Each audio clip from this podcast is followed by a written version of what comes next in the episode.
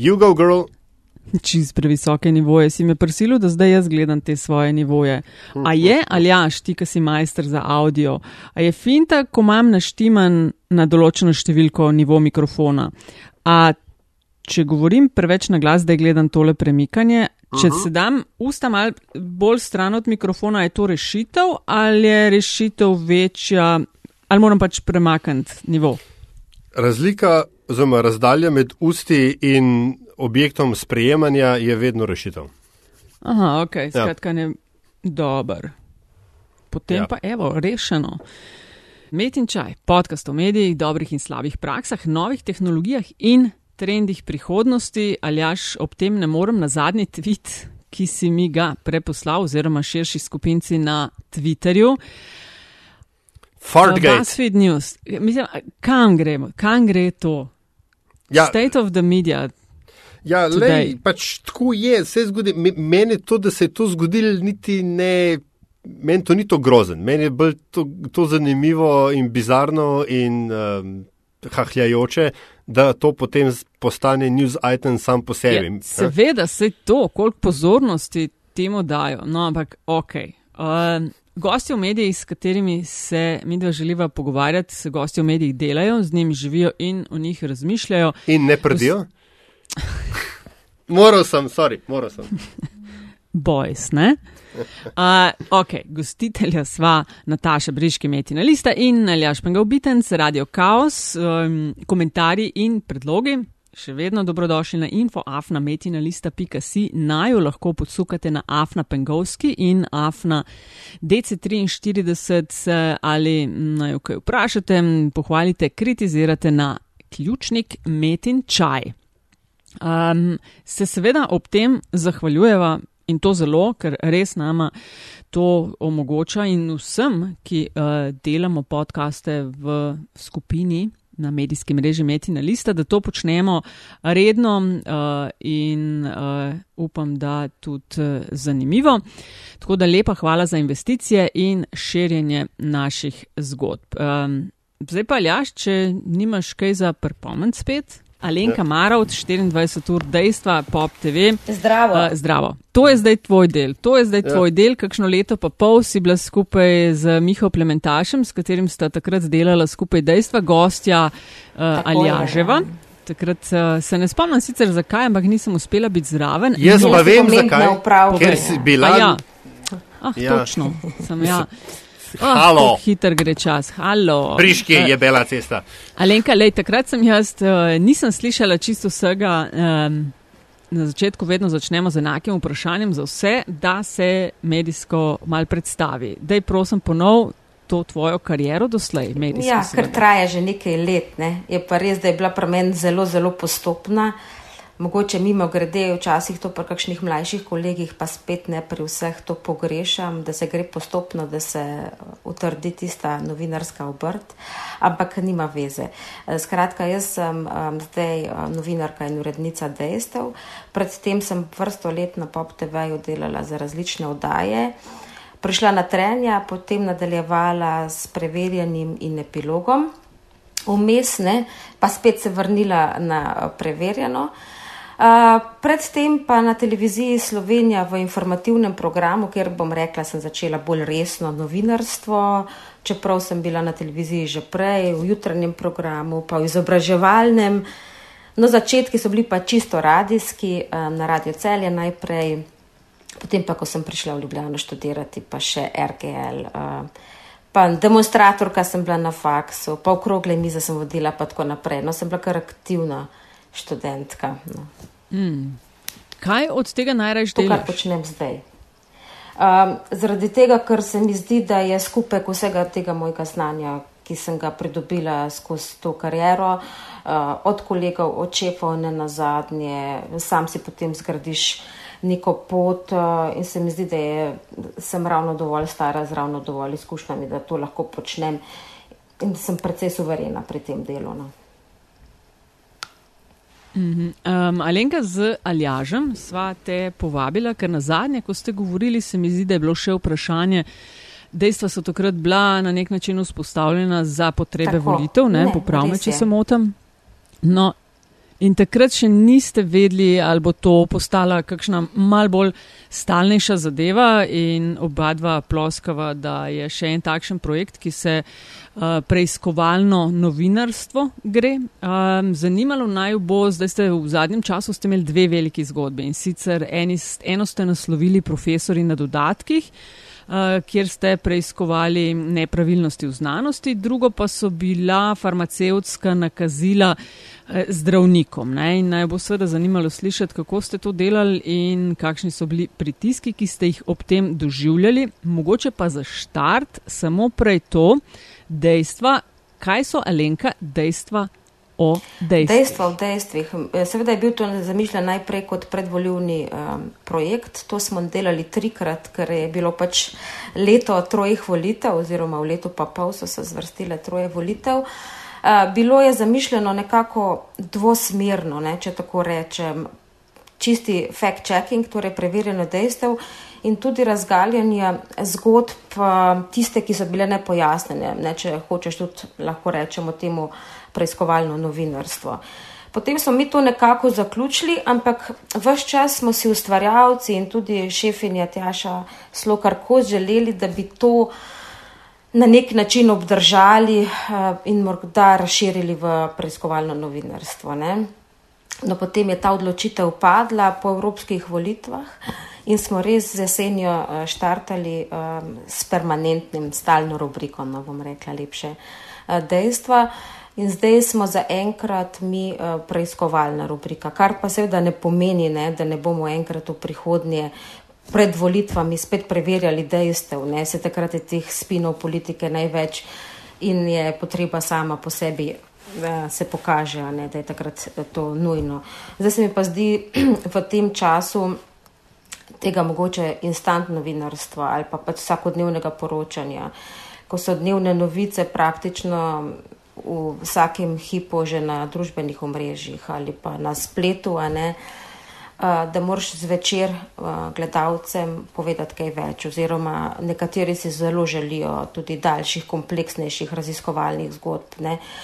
Po, po, recimo po teh dveh prvih projektih, ki smo jih imeli z gotovostjo, lahko to trdim, ker vem, koliko sem dobila odzivov, koliko novih zgodb, če bi mi bili recimo zdaj številčna ekipa.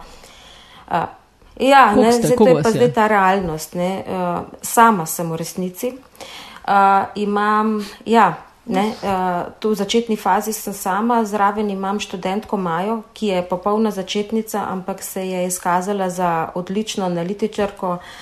Uh, res vlada in je zelo pridna, mrljiva, ker tukaj velike romantike ni. Ne, jaz vedno rečem, uh, predvsem je treba 8 do 10 ur sedeti pred računalnikom, analizirati podatke, jih zlagati sem ter tja v Excel tabele in tako naprej.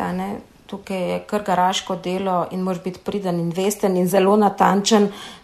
Pardon, vsaka decimalka je lahko tukaj usodna ne? in teh napak si res ne smemo privoščiti, čeprav se lahko zgodijo in se verjetno še bodo. Ja, um, potem je pa recimo kakšen teden pred objavo se mi pridruži uh, Tadej Grešovnik, se mi je zdaj dvakrat, v tretji zgodbi se mi bo Špela Bezjak, ki je z mano začela ustvarjati dejstva e, in potem ona dva to pretopita v uh, televizijsko formo. Tako da je v bistvu pri sami raziskavi, pri postavitvi zgodbe, pri vsem skupaj sem v resnici skoraj da sama. Ne.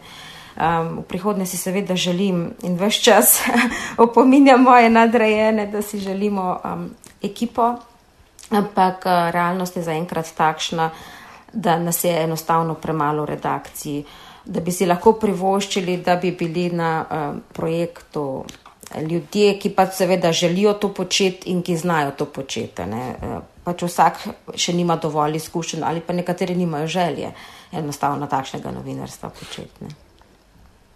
Alenka, tako se mi malo zdi, kot recimo uh, te m, serialke, ne, se pravi na nizanke na televiziji, ko v prvo epizodo, v pilota, ne, vsi blazno veliko ložijo uh, in je super produkcija in je noro, na kar um, uprava firme ne, to potrdi in reče, evo, imate eno ali pa dve sezoni ne, in zdaj imaš pa ti kar naenkrat ful manjši budžet in ful bolj redno in m, pač se pravi, fulbno redno produkcijo ne, in moraš ti vsak teden sproducirati nekaj, ne glede na vse. V bistvu ne. zdaj vsak teden sicer ne, ne uh, ampak smo pa zdaj, so pa to res tako zelo kompleksne zgodbe.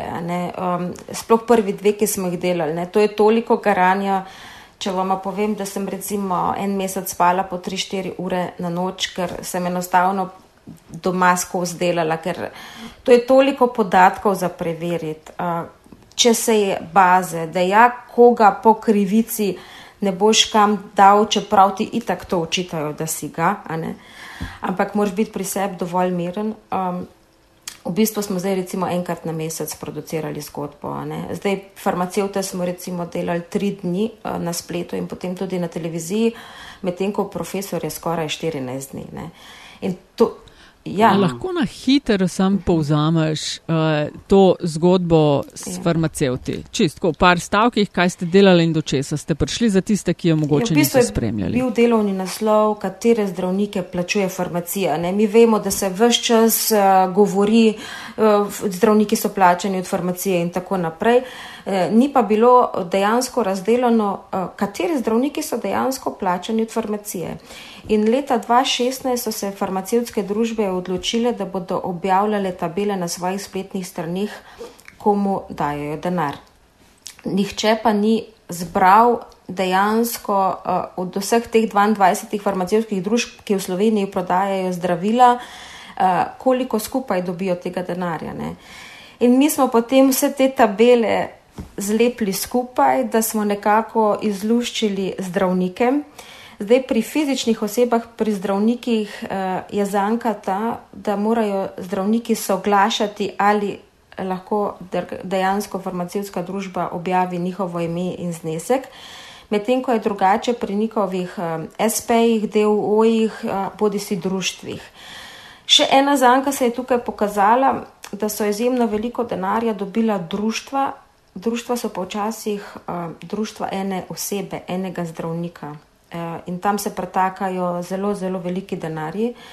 Seveda smo mi to namerno ločili, čeprav ima marsikateri zdravnik na svojem domačem naslovu prijavljeno tudi društvo, na katerega je recimo priteklo 90 tisoč evrov, ampak je ostro zanikal, da bi ta denar porabil zase, ampak za delovanje društva, za nabavo opreme, skratka za bolnike. Ne. Mi smo izpostavili potem tiste zdravnike, ki so um, prejeli več kot 20 tisoč uh, evrov v lanskem letu. Um, je pa zanimivo, no, da je bil odpor izjemno velik, um, da smo bili blateni, ja. um, dobili smo celo odprta pisma, v sobotni prilogi so se razpisali. Uh, da gre za medijski linč. Eh, v resnici smo pa samo pokazali eh, tisto, kar je objavljeno, ampak smo analizirali, združili v vseh DOO-jih, eh, SP-jih so ponavadi z imenom in primkom, ampak v DOO-jih smo mogli iskati, kateri so lastniki, kdo so ta imena. In potem, ne, ko se je naprej odvijala ta zgodba, se je samo potrdilo, da marsikateri od teh ki je dobil ta farmacevtski denar in je potem bil zelo, zelo kritičen do nas in mrzikaj grdega in osebnega govoril, se je skazalo, da precej dobro sodeluje s farmacijo in potem je bila moja vest še toliko bolj um, potolažena, bom rekla, ne, um, da narediš nekaj pravno. Precej dobro sodeluje. Ja. Ja, ko rečeš, absolutno, ne, ampak uh, ko rečeš, precej dobro sodeluje, to pomeni, da je uh, dobil veliko denarja, sodeč po teh tabelah. Absolutno, absolutno veliko denarja in jaz sem prepričana, da uh, je bilo tega denarja še več, pa so bile kje kakšne tabele skrite. Ne? Mi smo analizirali 22 farmacijskih družb, jih je še več. Potem so bile razne zgodbe, kako so recimo uh, zdravniki med to in drugo kliniko za isto področje skregani in potem so farmacevtske družbe v zanki, komu zdaj dati denar, kje se bo bolj izplačalo. Sej, zelo težko je dokazati, da če bo ena farmacevtska družba temu pa temu zdravniku uh, plačala za izobraževanje, ne, pa za predavanje toliko pa toliko denarja, da bo on res napisal to zdravilo. Ne. Ampak, če citiram šefa eh, na zdravstveni zavarovalnici za zdravila, ne, pravzaprav nič ni za ston, nobeno kosilo ni za ston. Tako da si lahko tukaj ustvarimo naprej. Um, Mogoče ena opaska, ne, ko sva z Natašo začela te pogovore o metinem čaju, ko, ko se je v Sloveniji nekako začel zares pojavljati to preiskovalno novinarstvo v smislu data crunčinga, pa bom rekel gledanja za, se pravi, v zakulise in tako. Um, Je, se mi zdi, da se je vendarle spremenilo, landscape, ne, krajina se je spremenila do te točke, da je zdaj teh podatkov na voljo več in da je izziv ne več toliko, kako do njih prideti, čeprav seveda še vedno, ne, ker kača skriva noge in tako dalje, ampak da je zdaj izziv vse te podatke dobiti na kup, jih združiti in pravilno interpretirati. Ne, točno to je, ne, vse podatkov je ogromno. Eh, sploh se veš, ko ti začneš brskati, to se ti vedno in vedno znova odpirajo nove tabele, novi podatki ker si že toliko časa v novinarstvu dobivaš res veliko idej, preblisko se malo pogovarjaš in se nekje moraš ostaviti. Ne? In potem je seveda ne, umetnost na nek način ali pa garanje, če želiš uh, te podatke združiti in jih interpretirati. Ne? Recimo en sam podatek o enem podjetju ti ne bo pravzaprav nič povedal, če ne boš ti šel v vse te baze podatkov, ki so čisto javne, lahko, a ne, nekaj jih moramo tudi plačati, medijske firme, kdo so lastniki zadaj, kaj se je dogajalo, kakšna je bila zgodovina. Ne? In tam se šele potem mogoče naše delo tudi začne, ne? da znamo te stvari povezati, pa da jih pravilno povežemo. Ne? Ker včasih bi bila zgodba lahko veliko boljša, ko začneš pa rečeš, le, dobil sem ga, ne pa tudi vidiš, ne, ne, ne, ni čestko. ni, ni ja, ja, ja. vedno vse super na prvo žogo, ne, kar tipkaš. A je, a, a je ta še vedno, ne, tudi po vseh teh letih, ne, zdaj bomo že skoraj desetletjih lahko govorili o žurnalizmu. Šel, ja. re, refleks, ne, evo ga, evo ga, ne, imam ga, pos, ampak ne, posem moraš pa se pravi, um, zavestno ustavljati ne, in reči: čakaj, ne, ne, ne skakati na prvo žogo, ne sklepati prehitro. Seveda, na začetku se zaženeš. Mislim, ja, ja jaz moram še zmerom reči, ne, da sem strastna novinarka, ne, ker gač verjetno ne bi uh, zdržala ne, ali pa tako dolgo strajala v tem. Ne. Se bomo videli, kaj bo, ampak zaenkrat je še tako, me še to drži. Uh, ja, absolutno se moraš potem kdaj uh, ustaviti, uh, predihati, sploh ko te kdo razjezija, ne bi v afektu. Ne vem, kaj vse naredila, ne? ampak da sem se že toliko navadila in izkušnje mi že to narekujejo, zadihaj, premisli. Ja. pa naprej. In isto je pri samem mm. raziskovanju. Vse dvakrat, trikrat, štirikrat moraš križati in preveriti stvari. No. To, to zanesljivo. Mm.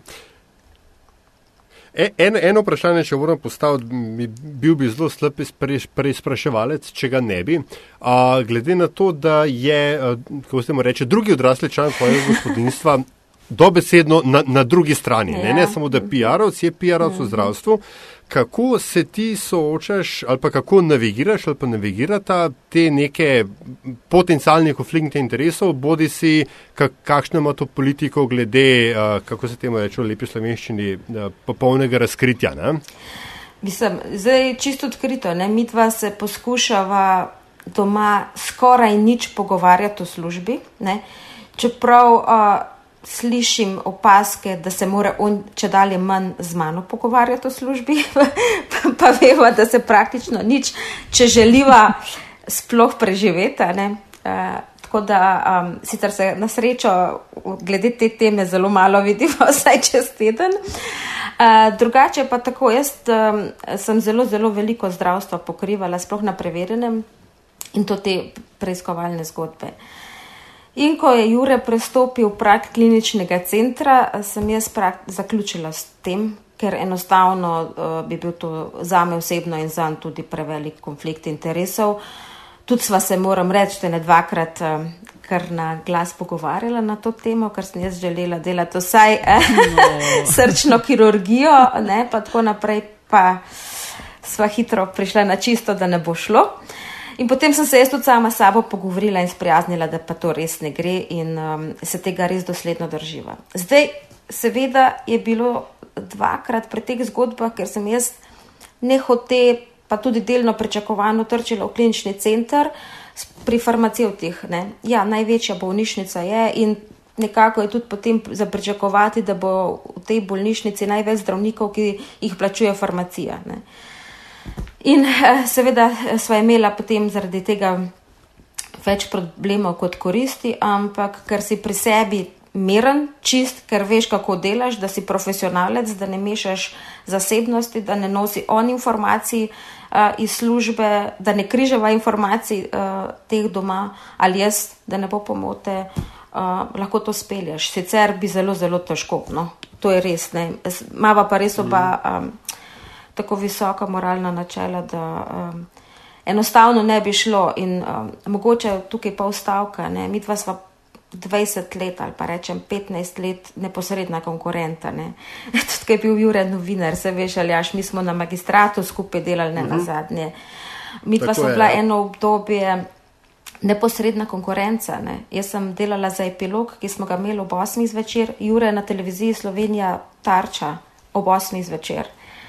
In sva mogla zelo, zelo ločiti, kaj kdo dela, kaj čes, česa drug ne dela in tako naprej, ne, da nisva mešala vsebin doma, ker gač verjemi, eh, ne vem, če bi še bila skupaj v tem gospodinstvu.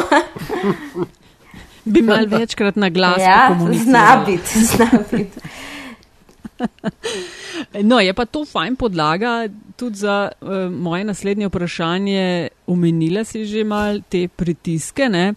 Um, kak, a so bili drugačni, ko je šlo, ali je približno enak koncept bil, ko je šlo za to vašo zgodbo o farmaciji in zdravnikih in drugo veliko, ki ste jo imeli, uh, mislim, da ste jo naslovili profesori Tako. na dodatkih. A lahko si mhm. mal konkretnejša, uh, kako je to izgledalo, no? ker um, razkrinkali ste, mislim, do rezultatov ali pa do višin sredstev, financ, do katerih ste prišli. Je, so zelo velike številke in si predstavljam, da više kot so, večji ja, so pritiski. Mislim, res je bilo izjemno veliko pritiskov, ampak um, nepredstavljivo več pri profesorski zgodbi. Um, ja, A zaradi res? tega, vse tudi v profesorski zgodbi, mimo grede so bili zdravniki, ne, zaradi medicinske fakultete, no, je povezano ja, na nek ja. način, ampak uh, tukaj je bil podpor. Uh, tako zelo velik od prve minute naprej, v resnici. Mm, kaj si mi gremo, ne v čigavem interesu delamo, za koga delamo, da smo si upnili, upali drezniti v ta osir. Ne? Odpor je bil res izjemen, um, ker se je potem vedelo, da bodo te podatke slej ali prej morali dati. Ne? Na univerzi so in fakultetah se naročali številne pravne študije, kako bi se ah, ognili, ja. da mi ne bi dali teh podatkov, ampak na koncu so se morali ukloniti in so te podatke dali. Ker se nimamo, se nimamo Nimam. kaj skrivati. Vse smo si zaslužili, damo, ja, vse smo si zaslužili, vse je transparentno, ja, ja, mi ja. se zelo zauzemamo za transparentno delovanje. Uh, sploh pri mlajših kolegih se zelo zauzemajo, ne, ki jih šikanirajo, ki jih ne spustijo blizu, uh, ki so neplačani. Ja. Ne. Uh, Eh, če bi bilo tako, vse tako super, ja. potem ne bi bilo afer, uh, pretresljivih zgodb, ki smo jih dobivali. Jaz moram reči, da čisto vseh nismo mogli obdelati. Ne? Tukaj je tudi tista zgodba, ne? nekje moraš postaviti piko, da stvar ne razvodeni, da ne bodo rekli, da se bo pa vsako stvar uh, utaknila. Vse ni na tem nivoju, da bi se moglo razčiščevati. Recimo v medijih ene stvari so interne, ki jih je treba razčistiti, ki jih morajo vodstva fakultet univerze in na zadnje. Ne. Uh, ampak ja, ne, jaz sem dobivala zelo, zelo veliko teh um, raznih nasvetov, naj tega ne počnemo um, in tako naprej, ne, tudi neposrednih groženj. Ja, klicali, pisali, nisem imeli. Ja, recimo pač ena, ena dekanja ne, je zelo veliko pisala. Veliko svetovala, kaj naj počnemo. Ne. Jaz sem si pa tukaj res pripravila tri maile.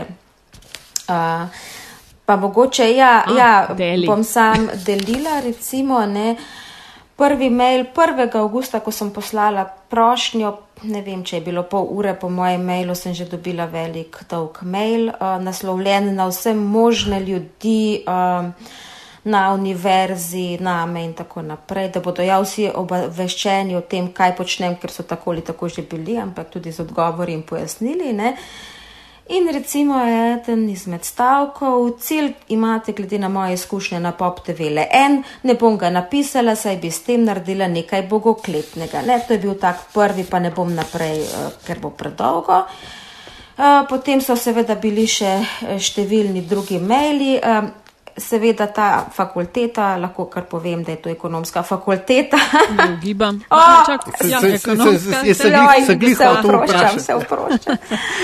Sem vaju prehitela. Uh, edina fakulteta namreč uh, ni želela podatkov posredovati po elektronski pošti.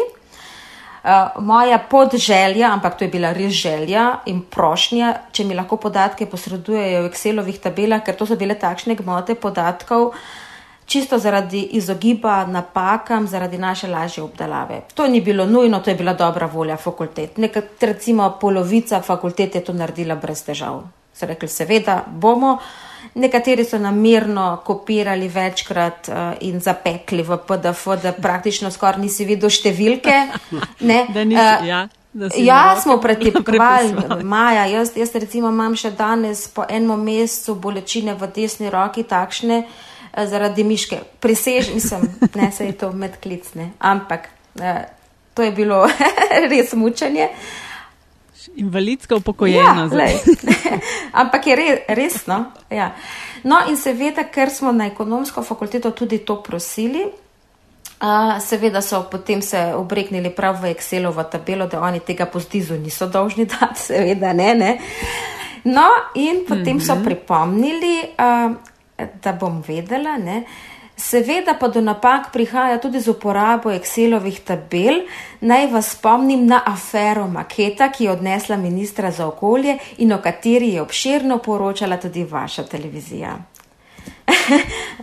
no, to je bil. Eh, ja, ne, tako da, da slučajen ne, ne bom mislila, da je Excelova tabela bulletproof. No, potem pa še en dan uh, pred objavo.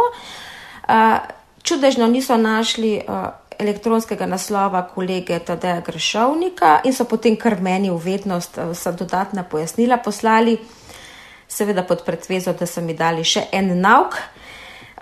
Ob tej priložnosti vas prosimo, da pri svojem poročanju in prikazovanju dejstev upoštevate splošne etične norme novinarstva, ki jih definira tudi etični kodeks novinarjev. Prepričani smo, da je ekipa novinarjev Pop TV popolnoma predana tako iskanju resnice kot osnovnim standardom novinarskega poročanja, ki novinarjem zapoveduje spoštovanje in pravico posameznika do zasebnosti ter izogibanje senzacionalističnemu in neupravičenemu razkrivanju zasebnosti v javnosti ter predvsem zavestnemu prekrajanju dejstev z namenom ustvarjanja vtisa škandala. Pa še še en stavek. Hm. Kot dolgoletna novinarka se zagotovo zavedate, da lahko zbiranjem ter objavo prirejenih in tendencioznih informacij škodite posameznikom, ki niso vajeni medijske in javne pozornosti. To je bilo dan pred objavo. Hm. Čakaj, a, a to je bilo iz, iz fakultete, katere dekanja je bila tudi mestna svetnica in štefica strankarskega mesta. Tako je. In želela se tudi županja neuspešno postati. Ja. In ja. nedavno ponovno potrjena Tako. za dekanjo. BP, skratka. Pa vse... kandidatka za županjo. Pa vse, ja, ne, ja, ja. ja, ok. Eh, zanimivo, ne, kako, e, kako nekateri uh, profili ljudi nimajo popolnoma nobenega, uh, um, pač nobene zadrege, ko kaj tazga sproducirajo, vedoč. Ne, na, kaj vse so sicer v življenju že naredili. Ne, ampak eh, gospode Kanja je šla celo tako daleč, da je v uradni odločbi, s katero je zavrnila dostop do informacij javnega značaja, namreč jaz sem potem, ker mi niso želeli dati v elektronski obliki, zaprosila, da mi mora dati pa vse podatke in novo vlogo po zdizu. In potem je zavrnila in je uradno odločbo s štemplom, z glavo ekonomske fakultete, komentirala in šla um, čisto osebno name, mogoče spet par stavkov, ne, da gre za jasno izkazano zlorabo inštituta dostopa do informacij javnega značaja, da sem to napisala verjetno v afektu užaljenosti. Uh, in potem, da, da obračunavam z ekonomsko fakulteto, da, da pa s polno odgovornostjo dodajajo, da je ravnanje novinarjev in njihovo domnevno raziskovalno novinarstvo, domnevno raziskovalno novinarstvo, uh, spet uh, neupravičeno in predvsem nepoštena medijska gonja in linč. Skratka, lahko bi nadaljevala, ampak hočem povedati, da je to gospa Dekanja napisala kot uradni dopis meni in potem tudi pooblaščenki. To se mi pa zdi že res, um, da je pač se je kompas zgubo, no, sam to bom rekla. No. Mm. Me sicer preseneča, Alenka, da je bil obe zgodbi sta veliki in hudi. Malenkost mene osebno čist preseneča, da je bil odziv na tej uh, akademski strani še, če sem te prav razumela, mal bolj ja. inten, intenziven in pritiski mal hujši, kot je šlo pri zdravnikih. Kakšen je bil pa odziv ljudi na te dve zgodbi? Izjemen, izjemno pozitiven. Uh, ampak bom najprej rekla negativen. Ne, seveda tisti, ki so povezani, bodi si zdravniki, bodi si ali so rodstveno, ali so bili bolni ali karkoli, ali s profesori uh, sem bila seveda vse samo človek, ne, ne. Recimo, izjemno se je angažirala pri zdravniški zgodbi PR-ovka zdravniške zbornice. Šla je zelo, zelo na oseben nivo, mi pisala maile uh, službenega naslova, uh, čeprav je bila sama novinarka včasih ne, in, so, in je tudi poročala o zdravstvu. Ne, uh, na koncu sem bila recimo kriva celo zato, da komentatorji na forumu niso javni, ne, se pravi, oziroma javni uh, eh, podpisani ne, z imenom in prijimkom, da se skrivajo. Šli smo do res velikih absurdov, ne, ampak ta, ta gospa je pisala, zdaj ne vem, kje imam ta list, aha, sem ga našla. Uh, mogoče članke, um, pa, pa sem zbrala samo tiste, ki so zdravniški, tako za občutek. Ne, uh, ne bom rekla tudi na katero žogo. Direktor, ki ne bo delal sranja, kako prepoznate človeka, ki so ga na funkcijo nastavile pijavke, si ni upal nakopati javnega linča strani zdravnikov, morda ni hotel, da se nam spravijo tisti, ki fušajo druge, ne zdaj zagovarja zdravnike. Obirajo pa se tudi na zdravniški zbornici in čakajo na prijavo, ne PR-ovka zdravniške zbornice. Tako, mimo grede, sej mogoče pa zaradi tega. Ne? Tako da to, to so bili recimo ti negativni odzivi, pa tudi recimo eden izmed zdravnikov mi je v sobotni prilogi tako posredno namignil, um, bolje, da ne zboliš, oziroma eden izmed tvojih. To, to, to se mi je zdelo, pa recimo, uh, ja, ta se mi je zdela um, tako. Pač, ja, ti si profesionalc, noben ti ni učital, da ne delaš vrhunsko. Izjemni so nekateri zdravniki, uh, delajo nemogoče, um, vsi jih cenimo, ampak mislim, da je prav, uh, da se ve, eh, kako se dela v javnem zdravstvu, če si pa tako zelo dober, pa pej to zasebno zdravstvo. Recimo, eden izmed njih je bil Marko Gričar, nekdani uh, zaposleni v UKC-ju, kardiolog, znan kot zdravnik gospoda Zidarja. On je šel iz javnega zdravstva, Dobil je sicer 122 tisočakov od uh, farmacije, ampak zdaj ima on uh, svojo, svoj zdravstveni center in je to njegova stvar. Dokler si pa ti v javnem zdravstvu, pa mislim, da je prav, da so zadeve transparentne. V Ameriki, recimo, ne, imajo tako zelo transparentno, da ti lahko vtipkaš na njihovi bazi podatkov ime, primek vsakega zdravnika in se ti bodo izpisale popolnoma vse transakcije od 10 dolarjev naprej. Zakaj, če je pri nas vse tako transparentno, tega tudi ne naredimo? Ampak minister temu ni naklonjen, ker pravi, da smo že prenormirana družba, ne? da se mora kultura spremeniti. No, tukaj pa mislim, da se bo mečkano še ustavilo. To so zdaj negativni. pozitivni so pa ti, okay, um, da smo dobili izjemno veliko zgodb. Da recimo, ko smo objavili um, profesorje, je eskalirala biotehnička fakulteta, od katere smo to najmanj pričakovali, čeprav je največja fakulteta. Ne. Ampak tam. U, oni ja. so imeli pa, sorry, celo nek sestanek o mobbingu po teh vaših zgodbah. Imeli so sestanek o mobbingu, um, tudi glasovali so o zaupnici dekanu, seveda je niso izglasovali, dekan Rjavec ostaja. Je pa recimo notranja revizija, ki jo je fakulteta naročila pri univerzi, pokazala številne nepravilnosti izplačevanja dodatkov ki so jih morali celo nekateri vračati. Zdaj so te dodatke ukinili in vodstvo pravi, da je pravzaprav zaradi tega vse eskaliralo, ampak zgodbe so seveda še tudi drugje. Rektor je mimo grede tudi predal to toživstvo, tako da tukaj gre za resne stvari. Um, tam je veliko mobbinga strani ene eh, prodekanje. Potem seveda spet so te stvari, a ne tehnički sodelavci, ki imajo v večini vsi fakultete morajo upravljati tudi pedagoško delo.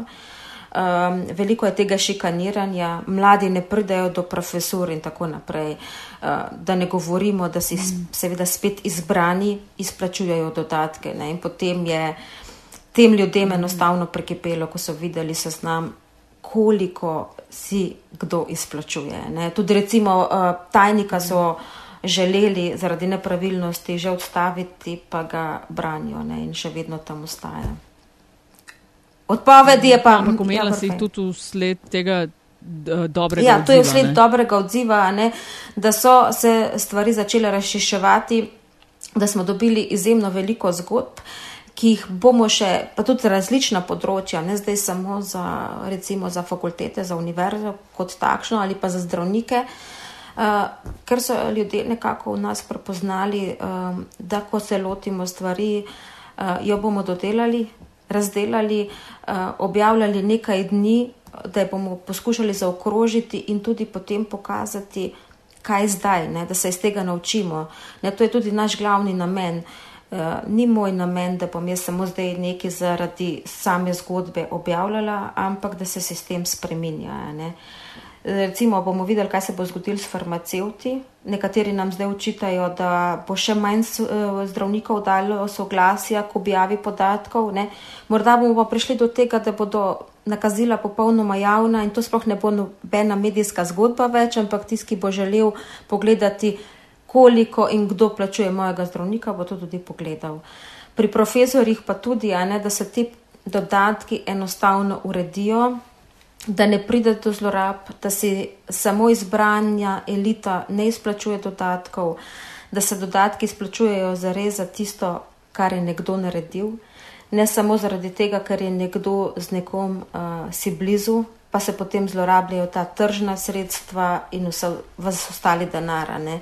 Recimo mladi, zelo perspektivni znanstveniki pa ne pridejo do zaposlitve odhajajo iz fakultet, grejo v tujino in potem vidimo, kako zelo izjemno uspešne ljudi imamo v tujini. Jaz sem enkrat delala prispevek o teh naših profesorjih v tujini, ki so bili večinoma vsi tukaj neprepoznani ali pa celo nezaželeni. Ne. Tam so pa krem dela krem. Ne.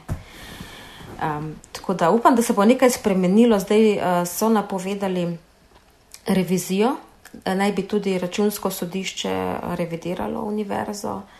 Eh, kakšen bo pa izplen, ker je pa to izjemen zalogaj, ne 26 članic, ne 23 fakultet, 3 akademije, uh, kakšna metodologija bo, um, bomo videli. No. Upam, da ne bo ostalo samo pri lepih mm -hmm. besedah in namerah, ampak da se bo sistem dejansko spremenil in da bo pregleden in pošten za vse. To je namen bil. Kako pa imaš, uh, sej, v bistvu smo se tangencialno od tega že večkrat dotaknili, ampak um, koliko imaš težave ali pa koliko je se to pojavlja v, v vašem, v tvojem delovnem procesu, niti ne toliko nedostopnost informacij, ampak da rečem, veš, dezinformacija ali pa namerno napačno interpretirani podatki. Skratka, koliko moraš ti kopati za to, da prideš do podatkov in koliko moraš ti odstraniti, skidati boljše, ta podomač povedan, da prideš do podatkov. Se veš, čisto odvisno spet, ne včasih zelo hitro prideš do bistva. Ne. Greš na te eh, razne evidence ali počasi že samo zgooglaš, pa ti je zelo hitro jasno, prebereš par člankov, zavrtiš par telefonov in hitro prideš do tega. Včasih pa to traja, da ti ne povem, koliko časa. Ne. Zdaj pripravljam, že prej sem pripravljala eno zgodbo okrog ene državne firme, ki je toliko megle okrog tega, pa nadalje se vidi, da stvar ni čista. Ampak recimo, da sem nekje na tri četrti dokler zgodba ne bo um, do te mere, da bo res držala in objavljiva, je ne bomo objavili. No. Sicer gre za manjšo zgodbo, ni takšen velik projekt, ampak mora vse en stati od A do Ž, ne tako kot je treba. Ne? Da spet koga po krivici, kaj ne oblatiš, ker so mi pa že itak iz te iste firme, ki zaenkrat ne bom imenovala, rekli, uh, ko sem rekla, no, ko bom pa to objavila, vas bom pa še enkrat za izjavo poklicala, pa reče, kaj vi boste to vse en delali, a niste vi dejstva. No, tukaj se pa potem eh, meni vse lučke prečgejo, pa rečem, no, tukaj bom pa jaz poskrbela za svoje delo, vi pa svojega delite, tako kot znate. Um, tako da, ja, no, a veš, vse veš, to je zelo različno. Se, se, ja, ja, ne, se pravi, sam to, to me zanima, ker včasih, dokler sem bil jaz še na terenu v Sloveniji, ne, je bilo to tako, pač ne, ne povemo. Ne, in posi se, ne, ne, ne, tako časa zaletavo voziti, oziroma predvsem vi, ki ste imeli take teme. Uh, pa me zdaj zanima, a je ta bolj ta tendenca k tem, da te zasujejo z nekimi gorami nepomembnih in težko, težko, pre, težko obvladljivih podatkov. Ali je še vedno ta stonewalling, ne pač ne damo? Ne, tudi igrajo užaljene uh, profesori. Recimo, je šel ta dej uh, k dekanu medicinske fakultete in ga je konkretno vprašal, zakaj je šefinja računovodstva dobila nagrado iz tržne dejavnosti ker vemo, da nima prav nobenega deleža in zasluge za to. In je profesor, doktor, dekan, najbolj izobražen, kolikor je možno, ki mora biti tudi etično, moralno, osebno zgled državljanom, rekel: Ne bom povedal. Zakaj pa ne? Ker ne želim, ne bom. Uh, ne, jaz ti povem, da se moja štiriletnica boljš obnaša. No? Mislim, Ne, recimo takšne zgodbe, potem tudi, ne, recimo, ne, ker smo ravno pred tem, ko je kolega tedaj klical predstojnika tega inštituta, ki ustvari največ tržne dejavnosti in kjer si ogromno denarja izplačujejo z naslova tržne dejavnosti na medicinske fakulteti, mu je rekel, da si ne nekam utakne te podatke, ker, uh, pa da ne bo povedal kam, ne, ker on pa že vse ve in kaj si pa on v nas misli, pa tudi ne bo povedal. A to se na takšen način uh. komunicira, uh, pa si ti misliš o meni osebno, kar želiš, ampak ne, ti moraš biti vendarle toliko profesionalca, da poveš, da ti si v javni službi. Ne. A veš, da ugotavljava, zalažem tudi v drugih podcastih. En LDGD ga imava uh -huh. na mhm. notranjo uh mhm. -huh. politiko, ki ga delava skupaj z Antišo in Andražem, in sproti ugotavljamo, da je nivo spoštljivega komuniciranja eh, tako grozljivo padel, da tako rekoč anything goes. Anything, yeah. Ja. In je še sploh dodatno grozljivo od ljudi, od katerih bi res ne sem pričakoval, ki bi mogli vedeti bolje. Tako, dost, Ja, sem zelo, zelo moram... žalostna, čeprav nekateri pa moram reči, da so bili izjemni profi. Tudi tle moram reči, uh, rektor se je z mano od začetka do konca zelo, zelo spoštljivo pogovarjal. Ne? Recimo, on pač razume svojo funkcijo, pa si mislim, da si marsikaj misli o meni, da ne bo pomote. Ampak on ve, da upravljam jaz svojo službo, on upravlja svojo službo in so imela zelo kultiviran dialog. Ne? Pa mu ni bilo ja. interesov in grede, tako kot noben mudi, da jaz to delam, ampak je sodeloval. Ne? Tako da so svetle izjeme. Ja. Ali enkrat to od eh, črpanja denarja in sploh finance so podlaga za številne zgodbe, um, velik uh, raznih afer in škandalov. Pa zadnje dni se mi zdi, da ko se sestavlja Evropska komisija, malo bo na mhm. evropske teme obrnila uh, še za zaključek, ne, ker želiva tudi v tej sezoni metinga čaja uh, mal dodatne pozornosti temu namenjati. Ne, in, uh, Sem spet znova zasledila zgodbe o tem, kako uspešna je Slovenija pri črpanju evropskega denarja ali pa kako uspešni smo pri lobiranju za um, različne pozicije ali pa zagovarjanju svojih interesov. Se spomnim, da me popravče samo tam, če se prav spomnim, ste vi delali nekaj na to temo. Ne? Splošen en tak, zdaj ne imali stereotip, a koliko je res, boš ti nama povedala, da smo slovenci pri tem, torej črpanju EU keša in lobiranju na teh najvišjih nivojih zelo slabi. Mm, žal, žal, ja, žal se nisi zmotila, absolutno to drži in to že leta drži. Uh, mi smo delali obe teme uh, v tretji etapi dejstev pred evropskimi volitvami.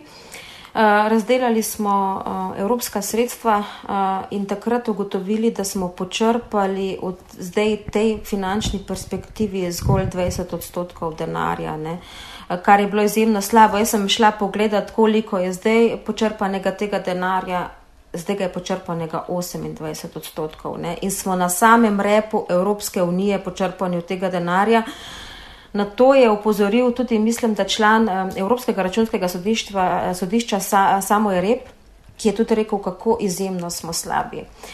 Mi smo potem v sklopu tega, ampak zdaj v teh permanentnih dejstev dobili tudi eno zgodbo z tega ministerstva in bomo to tudi v prihodnosti enkrat razdelali, zakaj smo tako slabi. Ne?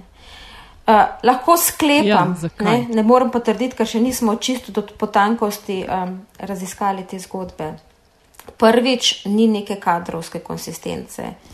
V 16 letih se je tam zamenjalo 16 ljudi. Ne. Se pravi, niti en, ali pa rečemo, da v poprečju je tam minister ali pa vodja službe, ker je bilo različno organizirano to eno leto. Če si ti dober šef, vsaj v enem letu ti šele pogruntaš, kako vse to funkcionira, da ti potem lahko začneš dobro delati. Ne? In takrat se že zamenja. Tam imajo potem seveda, tako kot v vsaki službi, tisti, ki so tam dolgo let, vsak svoj feud in delajo po svoje. Potem je pa ključno tudi ta informacijski sistem, ki ne funkcionira, ki ne beleži stvari, niti kdo je dobil koliko sredstev, ali so bile kakšne goljofije kolikor mi pravijo, mandata, tisti, ki je bil, ki je zgoljufal evropska sredstva, se lahko potem na naslednjem razpisu mirno prijavi in tebi nič, meni nič, ne bo za to nihče vedel. Je pa drugače, ne, črpanje evropskega denarja je zelo kompleksno. Ne. Preden imaš ti dober projekt, pa ti ga odobrijo, pa potem ga založi eh, slovenski proračun, šele potem gre zahtevek v Bruselj. Tako da je to večfazna za teh. Eh, 28 odstotkov, eh, koliko je dejansko počrpanega, je ta denar, ki smo ga dobili, že vrnenega. Ne. Mislim, da je sicer številka večja. Aha, tako da lahko še. Ja, sicer pravijo, ne, da v uh -huh. prejšnji perspektivi smo potem dejansko vse počrpali. Ne. Ampak, če primerjamo s istim obdobjem v prejšnji perspektivi, smo zdaj veliko, veliko slabši. No. Tako da, nažalost, no, uh, če potujemo malo po svetu oziroma po Evropi, pa vidimo, kako nekateri to znajo, se nam včasih krkavca. Uh, čeprav tudi no, se v Sloveniji vidimo, marsikje table financiramo iz evropskega denarja, ampak uh, ne vem, zakaj ne bi bili tle bolj proaktivni in bi se res zauzeli. To je zelo pomemben resor in to je konc koncev naš denar, ne zakaj ga ne bi vzeli. Ne. Ja, a ste mogoče celo kakšno, um, kar si mal prej omenila, imeli kakšno lestvico, kjer so pa pri tem zelo dobri? Ali, ali to še nekaj, kar boste raziskovali? Uh, se oproščam, nisem te čisto slišala. Aha, pri črpanju je. Ja, ja, to bomo. Uh, ja.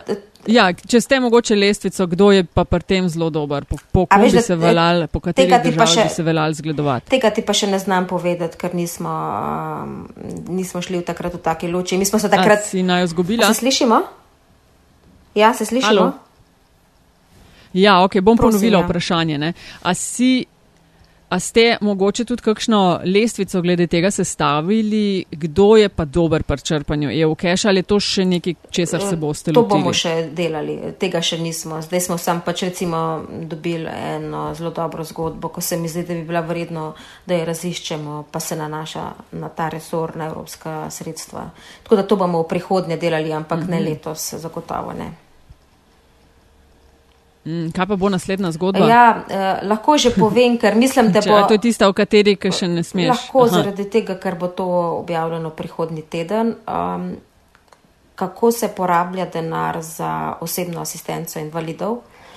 Namreč invalidi so po 25 letih vendarle dobili ta zakon o osebni asistenci, ki naj bi jim omogočal bolj samostojno kakovostno življenje, da grejo tudi ven, ne? da živijo tako kot tisti, ki nimajo invalidnosti in tako naprej. Ampak eh, se je izgubil popolnoma vsak nadzor oziroma ga ni in se je denar eh, trikrat prekoračil, pa še ni konec leta. Ne?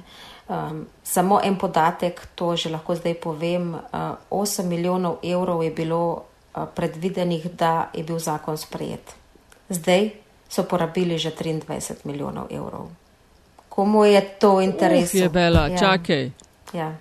Tako da bomo to razdelili. Čakaj, 8 predvidenih, uh -huh. 23 je že šlo. 23 Zdaj je že šlo. Ne, ne ugibam tukaj,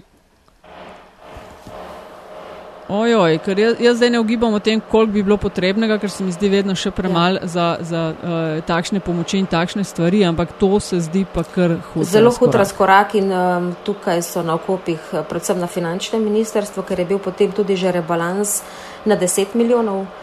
Uh, ampak ne vem, ali je nekdo podcenil situacijo, uh, ampak se bojim, da gre tle za vrsto zlorab. Tukaj bom pa rekla, spremljajte dejstva. Mm.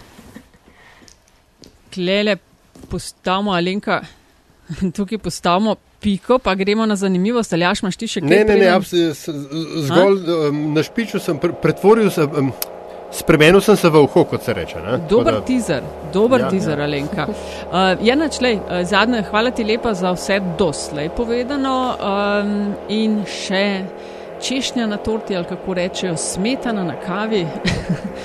Eh, zadnje vprašanje, ki je povezano z zanimivostjo. Se pravi, gostje z nami delijo kakšno zanimivost, bodi si svoje karijere, zgodbo, priporočilo, anegdoto, karkoli, lahko povezano s tvojim delom, lahko pa nekaj a, povsem x. Čisto tvoja izbira in tvoj odr, izvoli. V bistvu sem večkrat razmišljala, to povem ali ne, ampak sem se potem vseeno odločila, ne, zato ker. Po eni strani me je to med mojim delom zabavalo, po drugi pa tudi kar precej uh, žalostilo, ne, da ljudje, ki so pač najbolj izobraženi v državi, gredo na takšen nivo. No, in od prvega trenutka, ko sem poslala to zahtevo za eh, izplačila profesorjev 1. augusta, no, so začeli uh, v profesorskih, pa predvsem vodstvenih akademskih krogih kovati teorije zarodne. Zakaj jaz to delam? Seveda po čigavem naročilu. Um, najprej jasno, da to delam za nekoga znotraj univerze, ker pač sama že nisem sposobna napisati takšnih vprašanj. No, potem, da delam za novinarko Tino Kristan, no, na kar so to tudi mm. opustili in so pa našli notranjo revizorko, da mi je ona posredovala podatke, ki je pač delala revizijo za to tržno dejavnost. No, na kar so tudi to upustili, no, in je bila peta verzija, da to pa počnem tako ali tako zaradi Jureta in zgolj zaradi medicinske fakultete, ker je on PR-ovec v KC-ju. No, in ker jih tudi to nekako ni prepričalo, ker sem obdelovala vse uh, fakultete, oziroma bom rekla bolj tiste, ki so izstopali, je na koncu prišla še ena teorija zarote. Da mi jo je to naročil kar sam rektor, ker ga od lani, ne, ko se je zgodila afera na filozofski fakulteti, režejo. Ne. In tako funkcionira ta naš visokošolski sistem na teh teorijah zarod, ne pa pri tem, pri čemer bi mogel. Ne. In tukaj se je mogoče pa res kar zamisliš in si kar malo žalosten. Um, tako da toliko za pokušino, recimo, kaj se mi je dogajalo. Ej, uh, ti hkrati zavidam in ne zavidam to, kar počneš, ker vem, da so pomembne zgodbe in da je velik dela in velik zadovoljstva na koncu, ko pripelješ zgodbo do konca ali pa vsaj do delnega konca, ne, ker so nikoli uh, povsem končane. Uh, hkrati pa vem, da za velikimi zgodbami ponovadi stojijo veliki pritiski in to uh, moraš pa kar trdo, trdo kožo imeti, da zdržiš. Ja. Ampak, ampak Alenka ima trdo kožo. A se ti zdi, ali aš? Ja, Ja, jaz sem te pač videl, ne, kako se ti to v akciji. In dajmo reči, da um, upam, da nikoli ne bom na napačni strani tvojega mikrofona, če bom kaj narobe naredil. Ajde, jaz tudi, si le želim. Alenka Marot. 24 ur dejstva. Najlepša hvala, ker si bila gostja metenega čaja. Eh, spoštovani in spoštovane, ki ste nas poslušali. Če se vam zdi, da bi vsebina utegnila zanimati še koga, bova, bomo zelo veseli, če jo boste delili. Alenka, najlepša hvala. Hvala vam, lepo se mete.